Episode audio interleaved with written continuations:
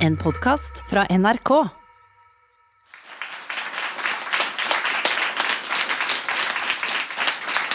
Hei og velkommen hit til denne diskusjonen om rasisme og eh, rasistisk retorikk i regi av Litteraturhuset i Trondheim. Mitt navn er Jo Skårderud. Jeg er journalist i avisen Klassekampen, og jeg skal styre oss gjennom dagens samtale. I fjor så kom boken 'Rasismens retorikk', skrevet av professor Frode Helland.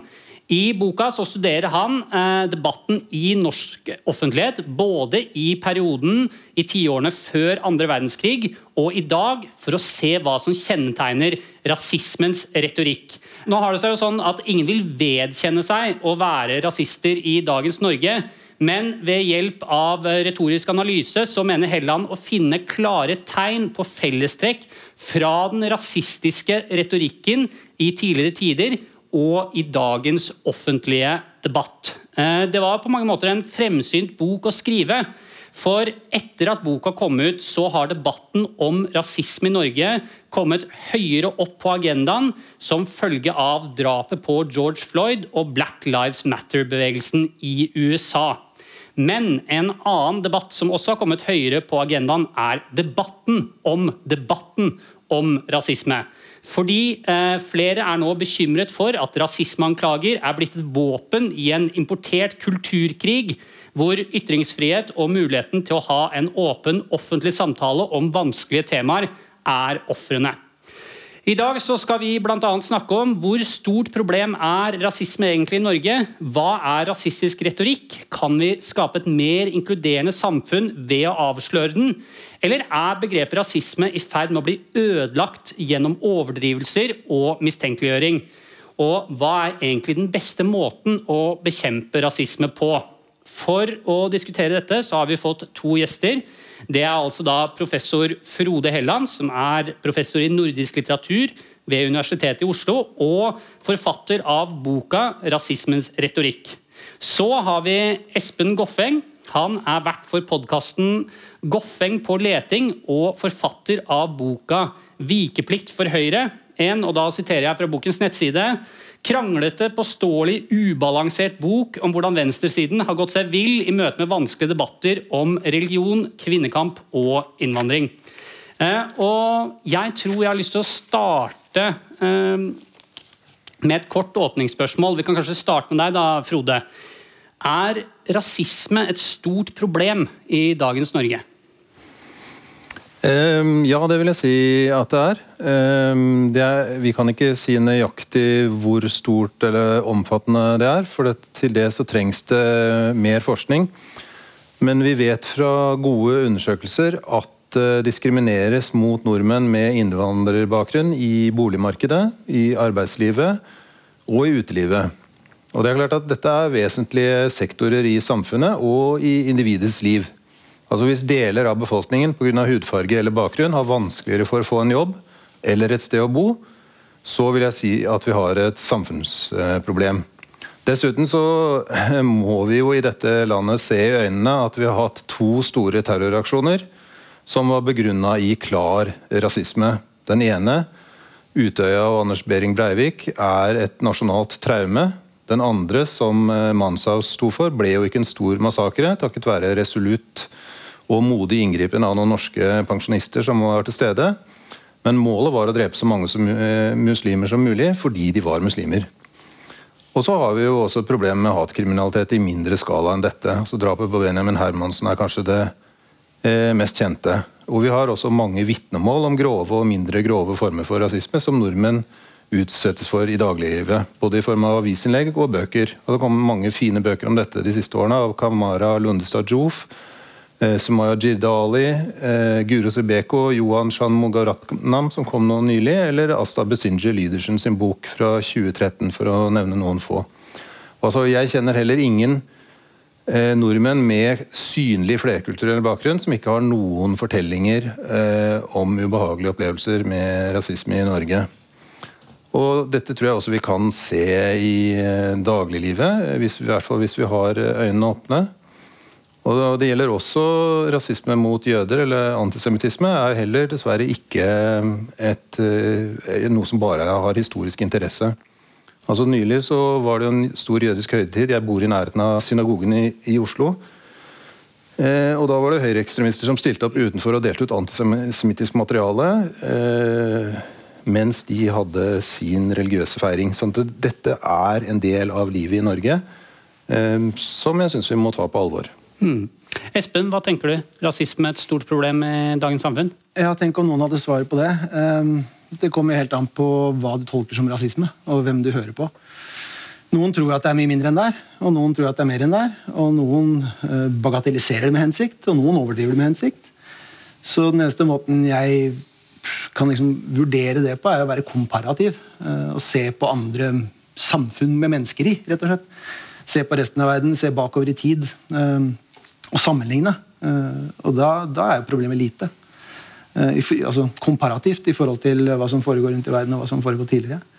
At det eksisterer, er det ikke noe tvil om, men, eh, men akkurat hvor mye, det, det, er det vi debatterer her. Jeg tror vi kommer fram til akkurat Kanskje det fins et eller annet menneske et eller annet sted som treffer akkurat prikk.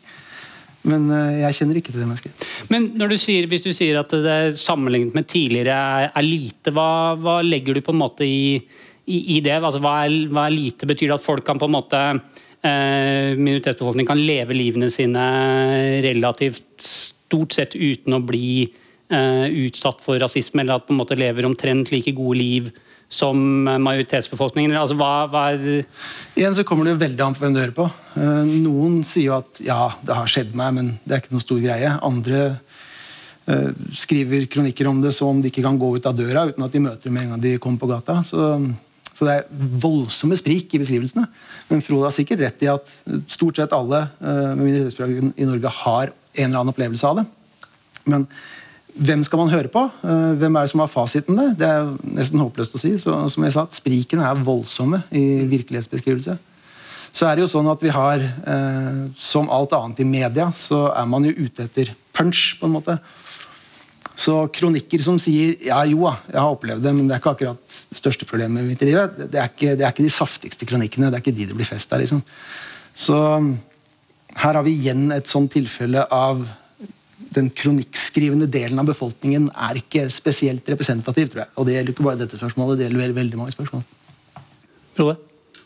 Ja, jeg syns ikke det er sånn veldig godt argument uh, å være sånn historisk komparativ. Altså, Noen sånne verdenshistoriske hendelser var jo en sånn karakter at alt vil være framskritt sammenligna med apartheid eller holocaust eller lignende. Men, men jeg er verdt å si at det også er positive utviklingstrekk. Det, det, er jeg helt enig i, og det er viktig å ta med oss. Altså, det jo, blir jo gjort jevnlige holdningsundersøkelser eh, i Norge, og de viser stort sett at uh, nordmenns holdninger til eh, nordmenn med flerkulturell bakgrunn eh, er, blir mer og mer positiv. Og ikke minst, eh, de som selv bor i områder eller jobber sammen med eh, eller i flerkulturelle miljøer, de er mer positive enn de som har lite kjennskap til det selv. Det er veldig bra. Og Det også, blir jo gjort framskritt på andre måter. Altså Politiet etterforsker tror jeg, nå hatkriminalitet eh, bedre og grundigere enn de gjorde før. Og det blir jo laga handlingsplaner mot uh, rasisme, både mot jøder og muslimer, som er eh, viktig. Men det er også illevarslende trekk i samfunnet, da. Det må sies. Men bare superkjapt om det. Dere er handlingsplanene. Jeg er jo journalist. Og, og, av og til når du vet at sånne handlingsplaner og politikerne at Jeg sammenligner dem litt sånn som med sånne stortingsmeldinger av og til. At noen, Hvis du ikke har tenkt å gjøre noe med det, så kan du vedta en eller annen sånn uh, handlingsplan hvor du skriver 25 sider om at det er viktig å være mot rasisme, og så på en måte så blir det ikke noe Så disse handlingsplanene er, altså, er det faktisk sånn endringer, altså konkrete endringer, eller er det mest det at det er et signal fra staten om at vi bryr oss? og men Sånne signaler er jo viktige. da. Altså, på den måten så sier jo staten at uh, alle nordmenn uh, er, er, likeverdige borgere i staten, og at hvis noen har spesielle problemer, så vil staten gjøre noe med det. Men det er klart det er alltid en fare. Det gjelder jo enhver strategi. At den kan fort havne ikke bare i skuffen, men i søppelkassa. Det, så det er jo viktig å holde trykket på, da, og det får vi se. Mm. Altså, jeg oppfatter dere begge som uh, uttalte antirasister. Dere får rette på meg hvis, uh, hvis uh, det er feil. Men jeg oppfatter også at dere kanskje har en litt sånn ulik tilnærming i syn på debatten om rasisme. Kan dere kanskje gi en slags kort redegjørelse om hva dere mener er ståa for debatten om rasisme i Norge? Jeg kan starte med deg da, denne gangen, Espen. Ja, altså Det jeg skrev om i Viktigplikt for Høyre, var jo at jeg føler at uh, venstresiden til en ganske stor grad har gitt fra seg sine egne prinsipper i møte med den problematikken her, og veldig ofte fordi høyresiden sier et eller annet. Altså Det første sitatet i boka mi er fra Hadia Tajik, som sier akkurat det. Det har, gått, uh, det har blitt vane for veldig mange på venstresiden når Frp sier noe, bare ta det diametralt uh, motsatte standpunktet med en gang. Det er hennes sitat, eller parafrasert. da. Um, og det, det, ser jeg veldig ofte. Uh, så det er, det er en del sånne ting. For eksempel så argumenterer jeg for at det er venstresiden som har gitt oss ytringsfriheten vår. I, I, kamper med, med geistlig makt, med kongemakt, med pengemakt. Det er venstresida som har slåss fram det. Noen som har sittet i fengsel for brudd på, på tale, så er det jo folk på venstresida stort sett. Og nå er det ikke noe særlig tvil om at det er der det skal innskrenkes. Det er der det nå man utvider rasismeparagrafer for, eksempel, for å inkludere mer og mer av det andre ville kalle religionskritikk. Som jo er noe venstresiden har eid helt siden høyre og venstre liksom ble definert under den franske revolusjonen. Så, så, det er det som er mitt store frustrasjonsmoment her. Hvor fort disse tingene har snudd. Uh, kvinnekamp. ikke sant? Det er venstresiden som brant bh-er, og nå er det venstresiden som feirer hijaben. Som er et mye mer konservativt plagg enn BH-en var når den ble brent liksom, på 70-tallet. Men, men Syns du det er riktig å si at venstresida feirer hijaben? Er det ikke mer korrekt å si at venstresida aksepterer, altså aksepterer at folk bruker hijab? Venstresiden er jo ikke én enhet, selvfølgelig. Det er mange på venstresiden som ikke er glad i disse plaggene der også. Men eh, første hijab på Stortinget, første hijab på TV, første hijab i moteblader, det er ganske store deler av venstresiden som feirer.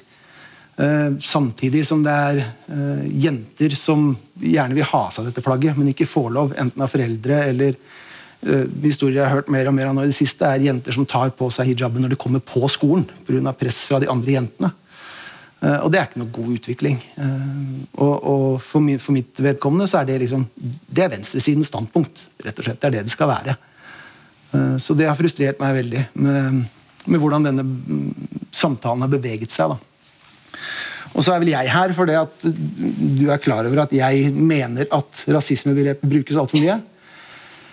Og det, det, er jeg helt sikker på at det er. Altså, eh, skal man begynne på toppen og ramse opp alt som har blitt kalt rasisme eh, og ikke, ja, Da, snakker jeg ikke om sånn fjerne små figurer borti hullene på nettet. Liksom. Jeg snakker om folk som jobber i, eh, i statsstøtta organisasjoner, var at i Stortinget, hva det måtte være. Politiet er rasistisk, barnevernet er rasistisk, skoleverket er rasistisk, NRK er rasistisk, Tore Sagen er rasistisk, Arbeiderpartiet er rasistisk. Altså, lista er rimelig lang. Så for noen på venstresiden så vil de kanskje kjenne igjen dette her når det gjelder antisemittisme og kritikk av Israel. Så jeg har vært Palestina-aktivist for noen år siden og var med på disse båtene som prøvde å komme seg inn til, til, til Gaza. Og alle der vil kjenne igjen dette. ikke sant? Alle, ifølge Inni den debatten er alle antisemitter. Røde Kors, alle FN-organisasjoner, eh, Verdensbanken, IMF Ifølge Mona Levin så lyser jødehatet ut av øynene på Kåre Willoch. Og da, da når han et eller annet sted hvor det, det, det, går litt gærent. Og sånn har det gått med bruken av rasismestempelet også. Det, det, er det jeg mener om det. Frode? Ja, altså Jeg er helt uenig i virkelighetsbeskrivelsen, først og fremst. Men øh, altså, det spørsmålet ditt om på en måte hva som er ståa for denne debatten i dag, så, så syns jeg at mye har blitt bedre de siste ti åra. Altså, først og fremst fordi det er mange flere minoritetsnordmenn som har fått eller tatt en stemme, og som preger debatten. Og det er også flere mm, som meg, da, eller melaninfattige, som Guru Sibeko vil kalle det, som, ta, som tar problemet på alvor og som bidrar til debatten. Og Vi så det i de store demonstrasjonene i våres i forbindelse med Black Lives Matter, som, der mange tusen trossa pandemien og gikk ut for å vise solidaritet og protestere mot rasisme. Som jeg syns er fint. Men, for, men først og fremst så er jo det, det hvis kampen mot rasisme skal gi mening, så må det jo oppfattes som en kamp for større ytringsfrihet. Altså for å utvide ytringsrommet, sånn at mange flere kan delta. Og, og der har det som jeg begynte med å si, skjedd en del positive ting. Det er bra. Men jeg syns allikevel det er litt nedslående å se hvor kraftig det mobiliseres på en måte fra forskjellige typer eh, motkrefter. Da, altså De som ikke vil at det skal snakkes om rasisme. Og da får du altså mulig sånn neglisjering, latterliggjøring, utdriting eh, forskjellige former for bevisst forvrengning, at man prøver å snakke om noe annet i stedet, avsporer debatten. Sånn at det, Ofte så følger sånne diskusjoner om rasisme i Norge og mange andre land en slags, sånn skjema. altså Det skje, kommer en eller annen hendelse, en grov ting, så blir det mye oppstuss og snakk om det. Og mange står fram, og det blir også godt mottatt i begynnelsen. og Så setter disse motkreftene inn, og etter hvert så fisler det hele ut. og Konklusjonen ser altfor ofte ut til at det, på en måte mange tenker at det bare er noen få overfølsomme og lettkrenka personer som har et problem. Og det som skjer da er at Man legger problemet på dem, og istedenfor å ta det eh, alvorlig som et problem i samfunnet. altså Deres erfaringer eh, blir neglisjert. Det kan uttrykkes på den måten at eh, alt kan diskuteres. Og det er klart at eh, rasisme er diskuterbart. Men mange aktører i disse diskusjonene har som mål at rasismen selv skal bli diskutabel. Altså at Det er et spørsmål om det finnes eller ikke, og det er synd. Og Jeg håper ikke denne diskusjonen, som vel ennå ikke er helt over, men der man kan se tegn til at det går den veien, så jeg håper ikke den går akkurat samme som de foregående. da. Det er artig, artig at du syns det går den veien. når Jeg har stått her og snakka om at det fins, og at det absolutt fins. Det er bare vanskelig å plassere akkurat hvor mye det er. Og så sier du at det går i retning av at jeg mener at det ikke er. sånn jeg oppfatter det riktig? Jeg, jeg snakka ikke om deg nå, men altså hvis, du hvis, du, hvis du eh, bidrar til å få problemet til å forsvinne ved å si at det har gått sånn inflasjon i begrepet at det har mista mening, da bidrar du til at nok, nok, en anledning til å diskutere rasisme eh, forsvinner i støy. Eh, eller eh, forvirring, eller, eh, eller sånn eh, bevisst eller ubevisst skapte stråmenn. Altså, ja, det, jeg, Sånn som du snakka om det nå, så syns jeg du bidrar til det. Det syns jeg. Men la oss prøve, å, la oss prøve å, å, motvirke forvirring da, ved å snakke om rasismedefinisjon. Altså fordi, hva, hva, mener dere er La oss se om det, måte, dere kan bli enige om hva som er rasisme. Da. For I boka di Frode, så har du jo en, en, definisjon på rasisme. Kan du ekstremt kort for publikum eh, ta og redegjøre for den? Skal vi høre om det er en definisjon som du er enig i, Espen? Ja, altså sånn som jeg har definert i boka, og det jeg har jobba ut fra, da, det er at eh, rasisme enhetliggjør befolkningsgrupper.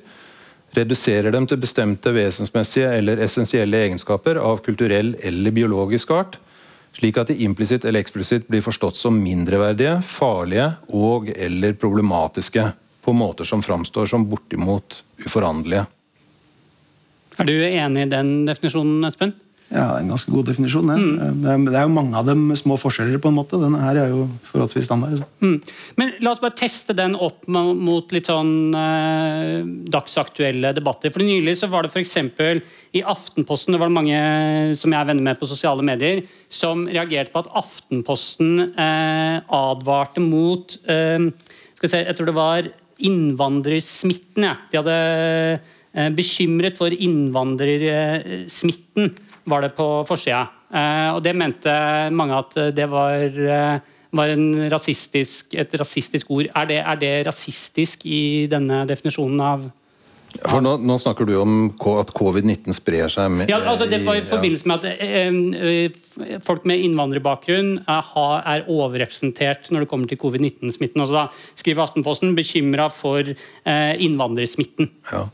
Jeg kan jo forstå den bekymringen. for det er klart det finnes jo historisk, altså Man skal være veldig forsiktig med å bruke den type begreper sånn at de kan på en måte flyttes over på folkegrupper. altså Hvis befolkningsgrupper blir sett på som virus eller bakterier eller smittespredere eller mm. sykdomsskapere, så er det farlig. Jeg regner med at det der var en slags sånn glipp på desken, på en måte. Men det kan jo være altså Nå tenker jeg bare høyt, men altså det var jo sånn at det kom på en måte til Norge fra eh, Oslo vestfolk som hadde vært på skiferie i Alpene. Etter hvert så var det jo en deler av innvandrerbefolkningen som overtok fordi de kjører drosje, de, eh, de kjører buss, altså de er, har jobber som gjør at de er utsatt for smitte. Og Hvis neste skritt er at de på en måte blir lagt på det på dem som problemet selv, så mm, høres det jo litt dårlig ut. Okay, si. La meg ta en annen aktuell test, da, bare for å prøve å se hvor uh, grensen her går. Fordi På Politisk kvarter uh, nylig så sa FrPs uh, eh, Jon Helgheim han sa at innvandrerbefolkningen bryr seg mindre om svitte, smittevern enn resten av oss. var vel var vel formuleringa. Er det en rasistisk formulering? Nei, ikke i seg selv, men, da, men man må, hva er empirien, på en måte? Hva er belegget for å si det? Mm, mm. Altså, og Det er jo et faktum at enkelte politikere er veldig raske til å gi skylda på innvandrere for det ene og det andre. Jeg vet ikke, jeg tror ikke det finnes noe god empiri på det ut ifra hva jeg ser i Oslo, men uh, hvis han har empiri, så by all means. Nei, um, altså fordi I boka så har jo studert dette her med, med eh, rasistisk eh, retorikk. Og hva er Altså, hvordan, eh, hvordan eh, finner man eh, egentlig rasistisk retorikk? For det er jo da, som du også skriver i boka, det er vel ingen som vedkjenner seg å være rasister i Eller veldig, veldig få, i hvert fall. som vedkjenner seg å være klassiske rasister i dagens Norge. Ja, og det gjelder jo ikke bare i dag. Altså, de, da på en måte den moderne antisemittismen oppstår, med en tysker som heter Wilhelm Marr eh, i 1870 Den boka hans som, eh, som heter 'Jødedommens seier over tyskheten' i norsk oversettelse, der er det mange understrekninger at han overhodet ikke er drevet av noen form for uvilje eller hat mot jødene. Men det er reinspikka beinhard antisemittisme fra første til siste side. Og Det samme finner du i de bøkene som jeg har undersøkt fra norsk mellomkrigstid, altså av Sakslund og, og eh, ja, nå husker jeg ikke hva Den andre heter eh, 'Jødeproblemet og dets løsning'. Haldis eh, Nego Høres ut som et dårlig utgangspunkt ja. for en ikke-rasistisk eh, bok. Ja, og, ja, men de også, begge de to norske også, eh, vil veldig gjerne understreke at de ikke hater jødene. Sånn at, og det er jo fordi at det å hate andre på den måten, det er irrasjonelt. ikke sant? Eh, sånn at eh, De fleste former for rasisme inneholder den typen for nektelser. Sånn at Det er ikke noe sånn spesielt oppsiktsvekkende. Men hvis vi skal kunne diskutere det, så må man på en måte bli flinkere til å komme bort ifra det der at folk blir så opphissa, tenker jeg. da. Altså, for det, det, vi, det, er kanskje altså, Altså opphissa ved, ved at rasismeuttrykket brukes, mener du? Ja. Det er ikke så veldig rart, tenker jeg, hvis det er mye rasistiske forestillinger i sirkulasjon i et samfunn som vårt. Altså Vi har mange hundre års historie med en nokså sånn eh, rasemessig organisert verden. Og forestillinger om at enkelte folkeslag er mindreverdige, det har vært en del av vår kultur lenge. Um, sånn at eh, når, Hvis noen sier noe, så kan det hende at det også er uforsiktig uh, eller dumt sagt. Um, og da uh, burde det være sånn at det er mulig å si det. Er ikke det rasistisk å si det? Og da, I en fornuftig verden så kan det hende at den, eh, da den som har sagt det, vil si jo, det har du kanskje rett i, det skal jeg tenke over, istedenfor å ta det personlig. Hmm. Men eh, da må jeg bare spørre Espen. Espen, eh, Burde folk eh, stresse mer ned over å, når måte de blir arrestert for eh, rasisme? Det kommer jo veldig an på anledningen. ikke sant? Det kommer jo veldig an på hvordan eh, Er dette her et hint om at det burde sagt annerledes, eller er det en stone hard anklage? Så det er ikke noe det er vanskelig å svare på uten at det er hva er det vi snakker om her. Um, men altså, at, at, folk tar det personlig når de får beskjed om at det er gjort noe rasistisk altså, Det er veldig stor forskjell på hvor mye vekt folk legger på intent. Altså, altså, um, hva er det som er hensikten din? For, for, veldig mange så tenker man jo at rasisme det er en hensikt bak. ikke sant? Og Det er ikke alle som tenker sånn. Det er noen som tenker at det sa du, det var rasistisk fordi du ikke vet at det er rasistisk. For. Så igjen så er det et kjempesvært sprang, men at folk tar dette personlig og blir sint når de får det mot seg, det er jo en selvfølge. At du kan ikke bli kalt noe verre enn rasist. Pedofil, kanskje. Men, men Frode, Frode, påpeker jo at det er jo hundrevis av år med rasistiske tradi altså tradisjoner, eh, altså rasistisk tenkning i historien. Er det ikke naturlig at på en måte folk da er preget av på en måte den eh, rasistiske eh, arven? og dermed på en måte gjør rasisme da, eh, i, i tide og utide, altså uten at det nødvendigvis ligger noe vond vilje bak? Jo, man kan jo kanskje si det sånn. og Rasisme har jo vært litt, igjen, litt avhengig av hvordan du definerer den, men rasisme har jo vært overalt til alle tider. på en måte. Det er en, en, en del av den menneskelige tilstand til en viss grad. Og ikke, ikke, Vi skal ikke langt tilbake før det ble innsett at dette er en dårlig greie som vi må slåss mot. Eh, og vi bor jo heldigvis i den delen av verden hvor dette har vært slåss mest mot, antageligvis. Eh, på alle målinger jeg har sett som er internasjonale på dette, her, som kan spørres på diverse forskjellige måter, så er det den delen av verden hvor det er minst rasisme. Um, så, men det er klart, det ligger jo ting bakover der. Og, men igjen så kommer det veldig an på, på, hva du legger i det. Sånn som dette spørsmålet 'Hvor kommer du fra?' For eksempel. mm. ja, det er hverdagsrasisme. Mm. Det første jeg ser på da, det er vennegjengene til sønnene mine. Hvis du skal følge den greia der, til punkt og prikke, så, så klarer jeg ikke å se hvordan de vennegjengene kunne oppstå i det hele tatt. Så vi er nødt til å være litt forsiktige der. Eh, for det, det, det, kan fort bli sånn at man ikke, man ikke, tør å snakke med hverandre lenger. Og det er det mange som melder om nå, for så vidt. Så, øh, så det blir litt sånn Alle tripper rundt barbeint hele tida. Og det er en del mennesker ute som er veldig interessert i å kaste glasskår rundt på bakken. Uh, og så er det en som tråkker på glasskår, og så hopper man fram bak busken, liksom, og der tok vi deg. Og det er det vi ser i mange av disse liksom, jaktsituasjonene som dukker opp også. Eh, sånn som når man går til Stovnervyen, eksempel, eller man går til Tore Sagen, eh, noen av de mer kjente. At man, man, finner et eller annet, og så går man hardt på det. Eh, uten at det nødvendigvis er rasisme i det hele tatt. Tore så, Nei, Frode. Ikke Tore Sagen. Frode. Ja, altså Igjen så syns jeg at det er en tendens til å, til å eh, altså, I alle diskusjoner så er det sånn at det, at det blir gjort feil, og det finnes også dumme argumenter for gode standpunkt. Eh, men, men uh, istedenfor å henge seg opp i det, så burde man prøve å, å, å i hvert fall innrømme og innse da, at uh, ja, det er et problem i, i norsk virkelighet. Og så kan vi diskutere det som faktisk er der. Altså, og det er litt sånn med den boka som jeg har skrevet òg. Altså, det overordna argumentet i den boka det, det, handler jo om norsk offentlighet. Altså det, det, det, finnes, det handler om å diskutere diskurser som er i, i sirkulasjon i norsk offentlighet, både i mellomkrigstida og i dag, eh, som er helt klart eh, rasistisk prega. Og Det er på en måte det overordna argumentet i boka. altså hvordan, hvordan, de er i sirkulasjon. og Om de øker eller minker, eller sånt, det kan man diskutere. Har jeg prøvd å liksom, si noe kvantitativt om når det gjelder eh, mellomkrigstida, men jeg har ikke klart å rigge en undersøkelse som kan gjøre det her og nå. Men, men det, boka begynte jo med at jeg sjøl mente å oppleve at det var mer og mer sånn nokså dårlig tenkt ting som sto på trykk og ble sagt i mediene i Norge. Så, og, men for å vise det, så må man jo ta eh, eksempler, da. ikke sant? Eh, og, og, I disse eksemplene så er det sånn at det, eh, de har brukt som eksempler, har jo også reagert forskjellig. da, ikke sant? Eh, et kapittel handler om det, det raseprogrammet i Hjernevask. Eh, Harald Eia og Ole Martin Ile de sa når boka kom, at uh, jeg hadde mye rett i det som sto. I, at det programmet ble feil. Det innså det nå. Det var ikke sånn at de ga seg på alt, men, men det er jo på en måte en Ja, det, det ble ikke riktig, det er vi enig i.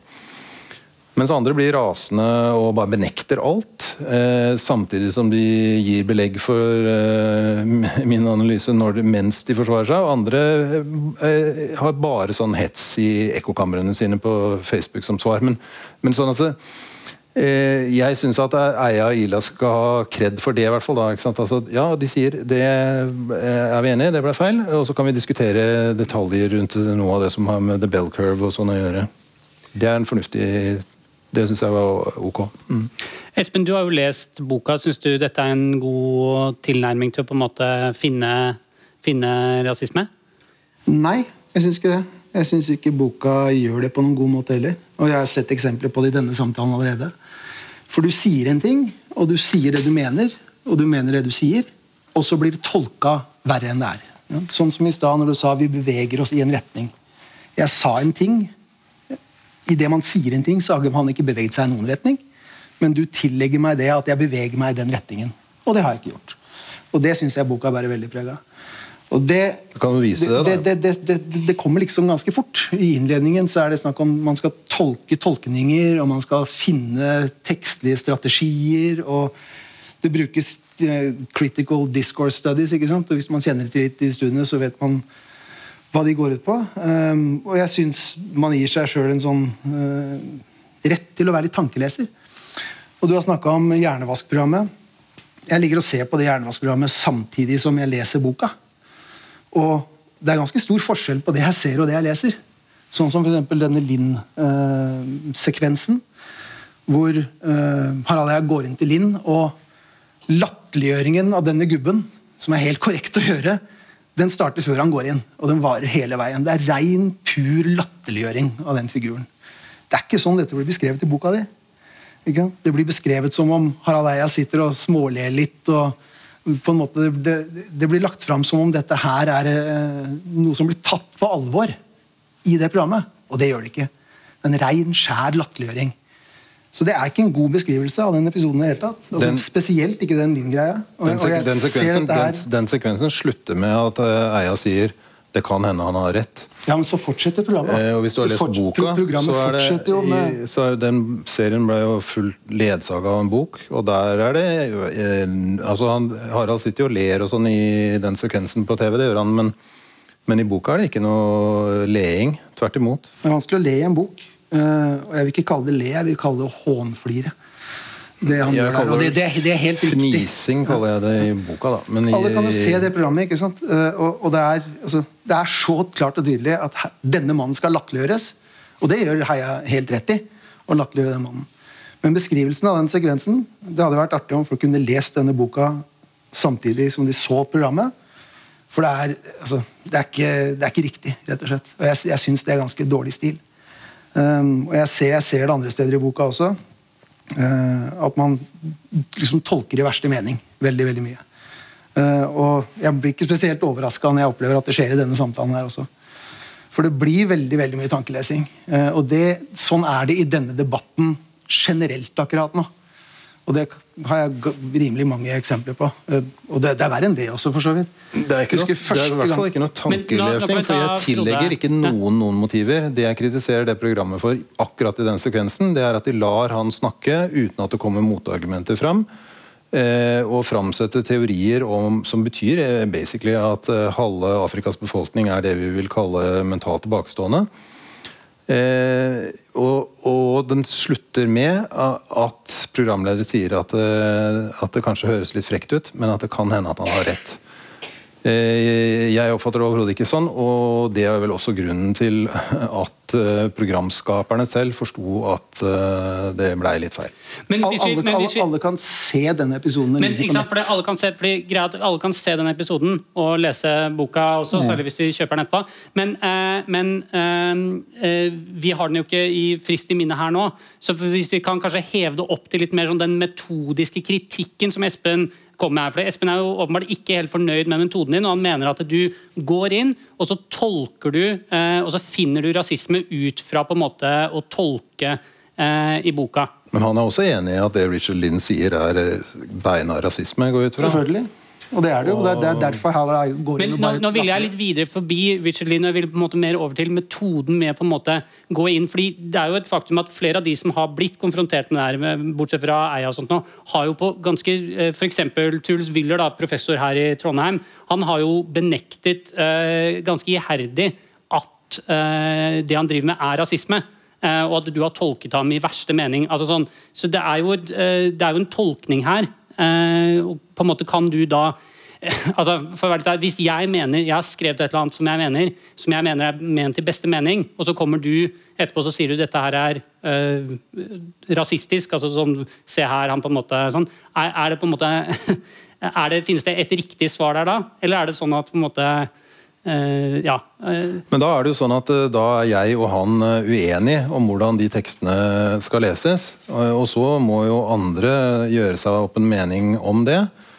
Eh, og jeg har møtt mange som syns at den eh, diskusjonen var oppklarende. eh, I positiv forstand eh, for meg, da. Men Eh, Men det som er påfallende med den diskusjonen, er jo at eh, det svaret i den andre enden er bare benektelse. Samtidig som de eh, på en måte skrivemåtene og argumentene som man ble kritisert for i in the first place, blir gjentatt.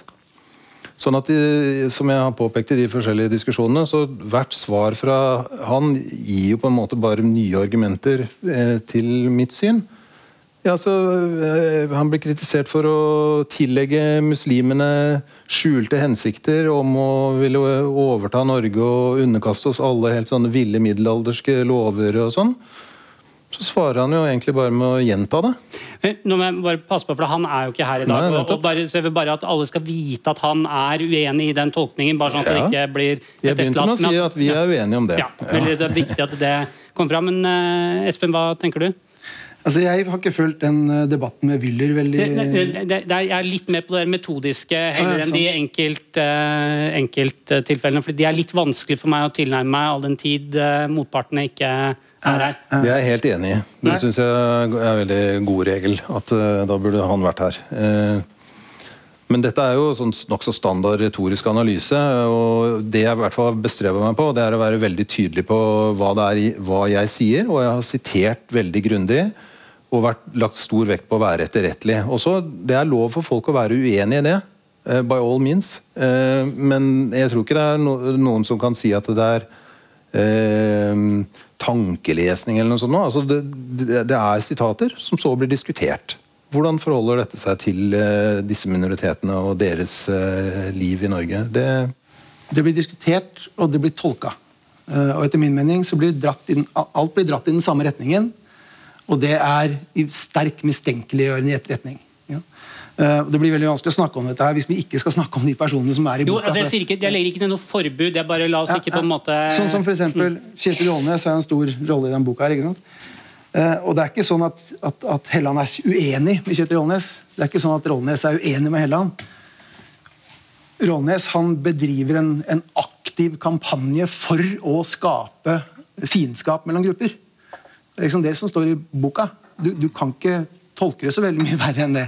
det står ikke i boka, men det er noe også. Vi kan godt eh, Jeg har noen eh, sider her. Men, han, eh, men han er jo med først og fremst som et eksempel på en type skribent, som, og det står helt eksplisitt, som ikke er eh, uttrykker åpen rasisme, eller, men han er en type skribent som det finnes mange av, som skyver på grensene for hva det er mulig å si om minoritetene i Norge i dag, men ut, så å si uten å, å krysse de grensene sjøl. Altså, ja, det er det, det, er det de kaller, du kaller en slags entreprenør i, i den, eh, i den eh, rasistiske diskursen, altså som ikke, men ikke en som selv utøver, men som legger til rette for at andre kan altså Som baner vei for andres rasisme, da, hvis jeg forstår det riktig. Ja, Det skyver i hvert fall på grensene for hva som er legitimt å si da, øh, om minoriteter. Så en halvrasist, da? Eller, altså, Nei, altså, jeg, det står, jeg har ingen teorier om, om de personene jeg skriver om i det hele tatt. At det er viktig å, å altså, Det har jeg overhodet ikke sagt noen ting om intensjoner eller personligheter eller noe sånt. Du har gjort det, de Henriette Nei, nei. Når det gjelder de personene som uh, på en måte er med, så er det de er ikke interessante for meg. Det er de tekstene de har skrevet, og deres rolle i norsk offentlighet boka handler om. eh, bare veldig kjapt på Jeg, jeg, jeg okay, håper ja, folk kjøper boka og leser den. Det gjør jeg virkelig. Um, for det er, det, er, det er ting her som uh, jeg syns rett og slett ikke stemmer. Uh, F.eks. det å tillegge Rånes den, uh, den funksjonen. Det står, det står i boka her, jeg har ikke sidetomtalen nå, og den PC-en står foran meg, er død på batteri. Ellers skulle jeg funnet det. Um, at, at det er en sånn kampanje for å skape fiendskap. Liksom. Og da si at man ikke har teori. Man har ingen teori om de personene man skriver et helt kapittel om. Det blir også litt rart, for det er mennesker her som blir eh, beskrevet ganske godt. Ikke, eh, altså feil, i min mening, men de blir beskrevet i hvert fall. Så det er ikke snakk om å bare ta løsrevne sitater heller. Og det er, del, det er en del sitater en del beskrivelser som, som er ganske rare. Eksempel når det gjelder Wyller. Jeg, som sagt har ikke fulgt den debatten tett når den skjedde. Men du skriver at Wyller eh, beskriver muslimer som en, en helhetlig ting. Og så peker du til tekster der hvor Wyller gjør det motsatte. Ja, han beskriver f.eks. reformatorer innen islam, og så snakker han om radikale grupper, og så snakker han om andre grupper. Det gjør han i de tekststykkene du viser til, og så påstår du at han ser på muslimer som en helhetlig gruppe. Så det, det går liksom mot, mot seg selv. Og det er ganske mye av sånt i denne boka. her. Ja, eh, det er feil eh, etter min mening. Så det må i så fall på, påvises. Da. Men det som er eh, på et mer sånn overordnet, Han er et eksempel på, på en måte å tenke om muslimer på som er i sirkulasjon i norsk offentlighet. Altså Der de blir sett på som en enhetlig gruppe. Og det begrepet som akkurat den skribenten bruker mest, det er begrepet mainstream islam. Altså det de fleste norske muslimer tror på. Eh, mainstream islam, eh, hevder han, står for eh, en, eh, et bevisst politisk ønske om å eh, overta landet og underlegge befolkningen eh, middelalderske straffemetoder. Og at, den, og at mainstream islam er inkompatibel med et vestlig sekulært demokrati og er i strid med opplysningstidens idealer og den type ting. Eh, og det synes jeg at altså, I den grad den type forestillinger eh, sirkulerer om en ganske stor norsk minoritet, så syns jeg det er illevarslende. Fordi det er å dehumanisere dem. altså Det er å gjøre dem til ikke eh, fullt ut autonome borgere. Ok, Dere er ganske uenige om, eh, om boka og, og, sånt nå.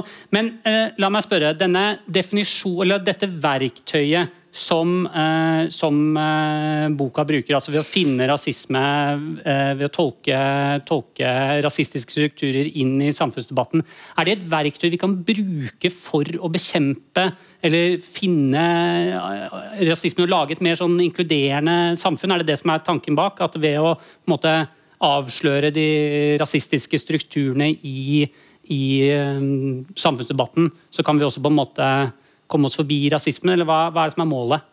Altså, hvis man kan peke på rasistiske forestillinger og også retoriske strategier som er i bruk for å spre på en måte en slags sånn rasistiske forestillinger og fortolkningsrammer, så kan jo det være bra fordi at det gjør kanskje samfunnsdebatten eh, skarpere. da. At man ser problemet når det er, på en måte, er der rett foran øynene. Men jeg har overhodet ikke drevet med sånn leting etter eh, altså sånn, Å være slags sånn eh, jakt på rasisme. Altså, og dessverre så er det sånn at det trengs heller ikke. For det er ikke så veldig vanskelig å, å se sånne ting i sirkulasjon. Uh, enten det gjelder i politikken eller i mediene eller andre steder. Det er veldig Men, å finne hvis man vet man skal lete. Ja. Det er ikke noe tvil om det. Men, ja, men, men, men, så, sånn, det, sånn, som jeg, sånn, som jeg, ser altså, Kritiske studier, det er jo, der kunne vi prate i flere uker om, om, det. og hvor du kommer fra, og alle de forskjellige avartene som finnes nå. Kritiske hvithetsstudier, kritiske rasestudier. Som er et sånt ord som jeg får litt sånn emmen smak i munnen av bare å si. Som ikke spiller noen rolle i denne boka mi, da? Nei, ikke i denne boka her. Men det er, det er, det er som du sier nå også, du, du, du, skal, finne, du skal finne strategier. ikke sant? Det, så det er, det er sånn man kan ikke bare ta det en person skriver, og det er det som står, som er det den personen mener. Man må finne en strategi, man må finne noe enda skumlere bak. Man må finne retningen som samtalen vår går i, selv om den egentlig ikke har noen retning. Uh, så det er, det er en del sånne ting. og det, det er mye av denne boka her. Eh, og det er veldig veldig mye av det samtalen eh, generelt der ute. Det er veldig mye stråmannargumentasjon, veldig mye forvrengninger. Og denne boka her, selv om jeg jeg liker ikke hvordan det gjøres i denne boka. Så er den ikke i nærheten av å være liksom, de ille tilfellene. For det er mye som er rett og slett bare blank løgn. ikke sant? Og det er ikke spesielt bra. Hva da? I... Jeg, jeg, husker, jeg, husker, veldig godt første gang det, det virkelig dukka opp. Står det noe der som er blank løgn? var det det du sa? Nei, Nei. jeg ikke, sa at det ikke gjorde det. Okay. Jeg sa at denne boka er ikke for langt nær sånn som, sånn som de verste tilfellene. Du snakker om noe annet? Ja. Nå snakker Jeg om noe annet. Jeg snakker om samtalen generelt, som vi også vi er jo meta her. Første gangen det virkelig gikk opp for meg hvordan det der foregikk, det var på et uh, seminar på Litteraturhuset i Oslo. Hvor det var innbedt tre forskere på islam. Uh, og spørsmålet var tør ikke forskere på islam å si det de egentlig mener. Jeg husker ikke hvem som hadde satt opp denne saken, men det var et fullt rom der. i hvert fall. Og på et eller annet vis så kom vi da inn på, Noen kommer inn på moralsystemene i disse religionene. Eller i islam spesielt. Og kan dette tilpasses? Uh, vår moralsystem sånn som det fungerer nå. Uh, og Da reiser jeg meg opp og sier altså, kan vi ikke bare anerkjenne at alle disse moralsystemene til alle disse religionene de er laget uh, under ganske barbariske tider, hvor vi hadde forferdelig lite kunnskap om ting. i forhold til det vi har nå, Så kan vi ikke bare innse at alle disse moralsystemene er veldig veldig lite kompatible med uh, sånn vi tenker i dag. Så fikk jeg et kort, litt emment svar på det fra scenen. Så er det en person som reiser seg opp og sier Goffeng sier jo at muslimer ikke har noe plass i Europa. Rett ut. En, en, en blank og fin, skinnende løgn, rett og slett. 30 sekunder etter at jeg sa A, så reiste denne personen seg opp og påstod at jeg hadde sagt B. Uh, og jeg blei litt satt ut, uh, for det var første gang jeg virkelig opplevde det. Sånt, det går ikke en uke uten at jeg ser sånt nå. Og det snakker jeg ikke om meg, men om andre personer rundt omkring. Og det syns jeg er veldig trist. Sånt er det altfor mye av. En total forvrengning av det som faktisk ble sagt. Og da, jeg, jeg snakker ikke om denne boka nå. Men, men Frode, for å ta det eh, altså fordi det, det, jeg oppfatter at Espen snakker om, er jo på en måte en mistenkeliggjøring og en slags sånn nedkjøling av debatten. Fordi folk blir redde for å, for å si feil ting eller, eller skrive feil ting. Er, er, du enig i at det er på en måte en utfordring eh, i dag? At eh, det kanskje har blitt lett å trå feil, sånn at folk lar være å, lar være å si ting i fare for å eh, snuble seg borti og sagt noe, sagt noe de ikke skulle sagt? Det, det, vet jo ikke jeg. Det kan hende. Eh, det ser riktignok ikke sånn ut, men det er et faktum at det har omkost... Hva mener du at det ikke ser sånn ut? Altså at Det er ikke noen indikator på at folk legger bånd på seg? i Nei, altså, eller? Jeg syns ikke det ser sånn ut, men det Og det kan hende at det er dumt hvis det er sånn. Eh, men det kan hende også at det er fint hvis folk tenker seg om litt. Altså, det tror jeg nok de fleste gjerne vil selv. Eh, altså tenke seg litt om. Det vil vi jo, på en måte. eh, men eh, altså Det har omkostninger å delta i den debatten. Det har det. Og det, og det har det for alle. Altså, man må, man må, tåle ganske mye hets. Eh, klart Jeg visste hva jeg gjorde da jeg skrev den boka, her, og var helt forberedt på det. på en måte, men det, sånn er det. Og hvis jeg hadde vært, hatt en annen hudfarge og et annet kjønn, så hadde jeg fått mye, mye mer enn det, altså, ting som kommer på sosiale medier og inn i innboksen, og sånn, enn, det jeg får. Dessverre er det sånn. Hvis man er minoritetskvinne og, og deltar i denne debatten eh, som på en måte antirasist, så må du ha hard hud. Mye hardere enn de aller fleste. Alle må ha hard hud. Uh, og, og, og mitt, mitt, store problem er den gruppen som er mest redd for å si noe. Og det er liten tvil om at den gruppen tilhører sånn ca. sentrum venstre. Det er mange ting som viser det, og som tyder på det. Én ting er personlig erfaring. Når jeg begynte å skrive om de tingene her, så renner det inn med eh, meldinger på, på, på, på Facebook. Jeg får SMS-er av folk jeg ikke vet hvem er.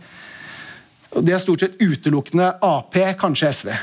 Mennesker som sier det er godt at noen sier det, men jeg kan ikke si dette. Men, bare, du skal få snakke videre, men, men hva, er det, hva, er det, de er redde for? å hva er det de forteller at de er redde for å si. Er... For Hvis de er redde for å si eh, 'faen, jeg hater innvandrere', så er det jo på en måte ja, det, det, er ikke det de er redde for å si. Nei, det var... um, men det, det, gjelder de brennbare temaene mm. som vi har om dagen. Noen temaer er brennbare. Dette er absolutt et av dem. ikke sant?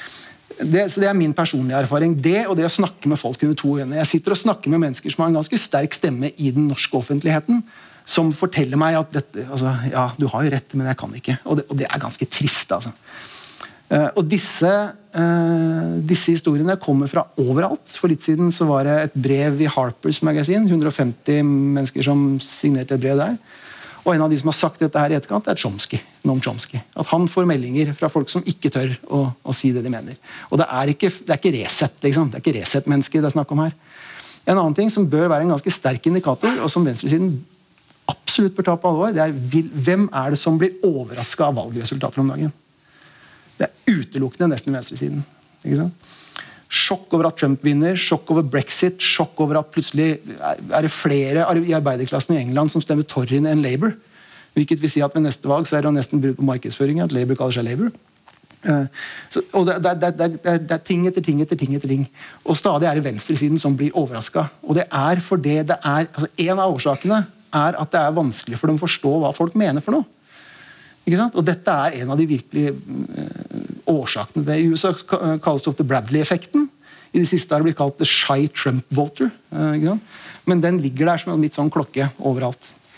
Og uh, når jeg skrev den boka mi, så var jeg veldig glad for at jeg måtte utsette den litt, for da kom det en rapport fra Senter for samfunnsforskning som hadde forska på dette, her, snakka med folk på venstresiden, også folk som tilhører ungdomspartiene. og sånt. Og det er tydelig i den rapporten deres, som heter um, 'Boundary Struggles', veldig tydelig at det er på venstresiden det er flest som holder munn. Og det er krise, for det er de vi trenger mest, ifølge meg. Og, og, og det kommer av mistenkeliggjøringer, overdrivelser, sånne ting som det der. Mm.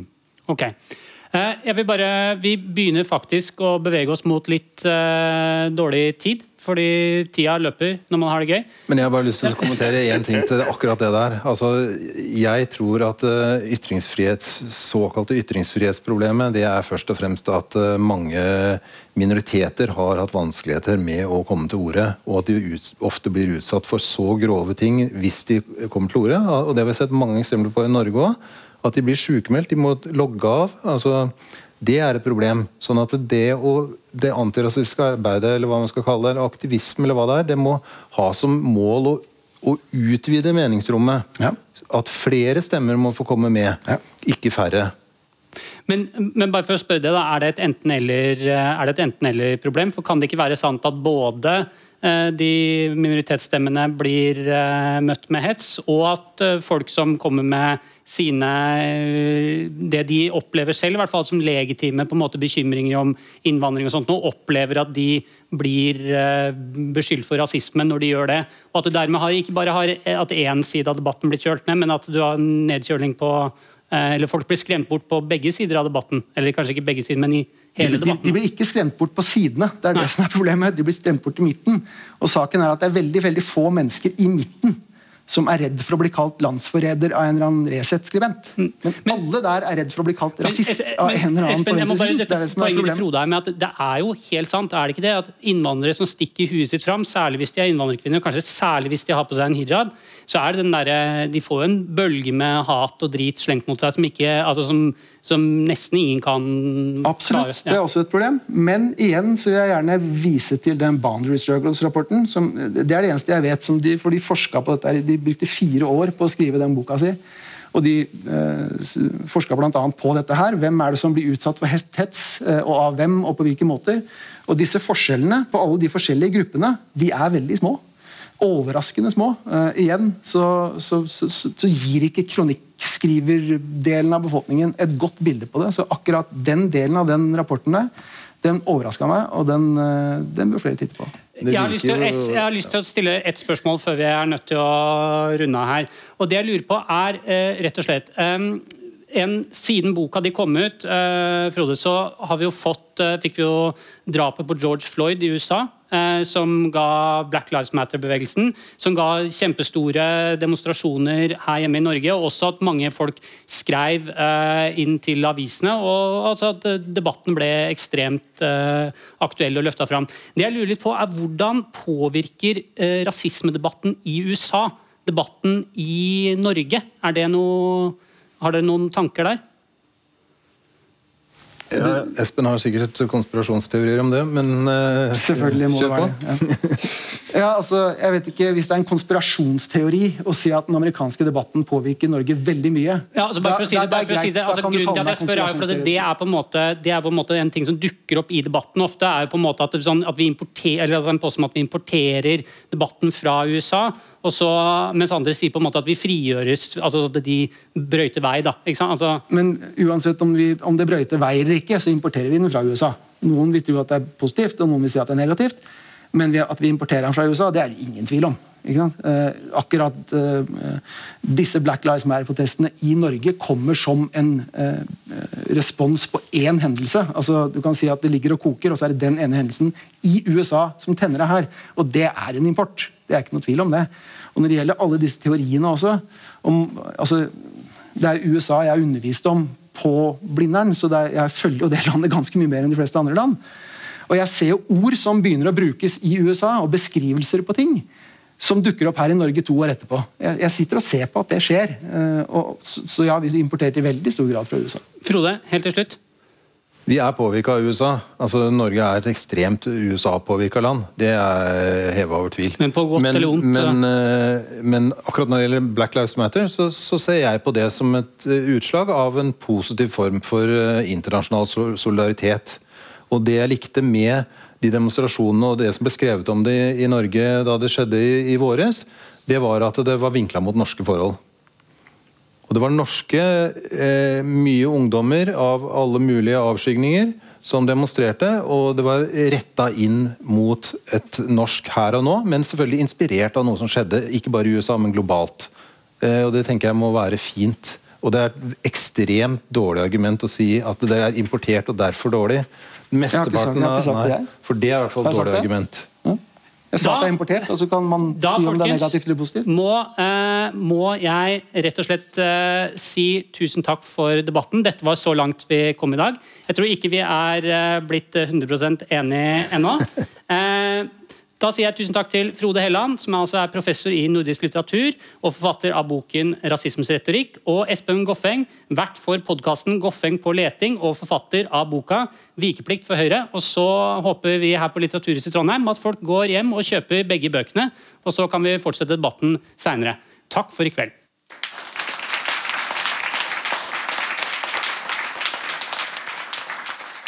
Du har hørt en podkast fra NRK. Hør flere podkaster og din NRK-kanal i appen NRK Radio.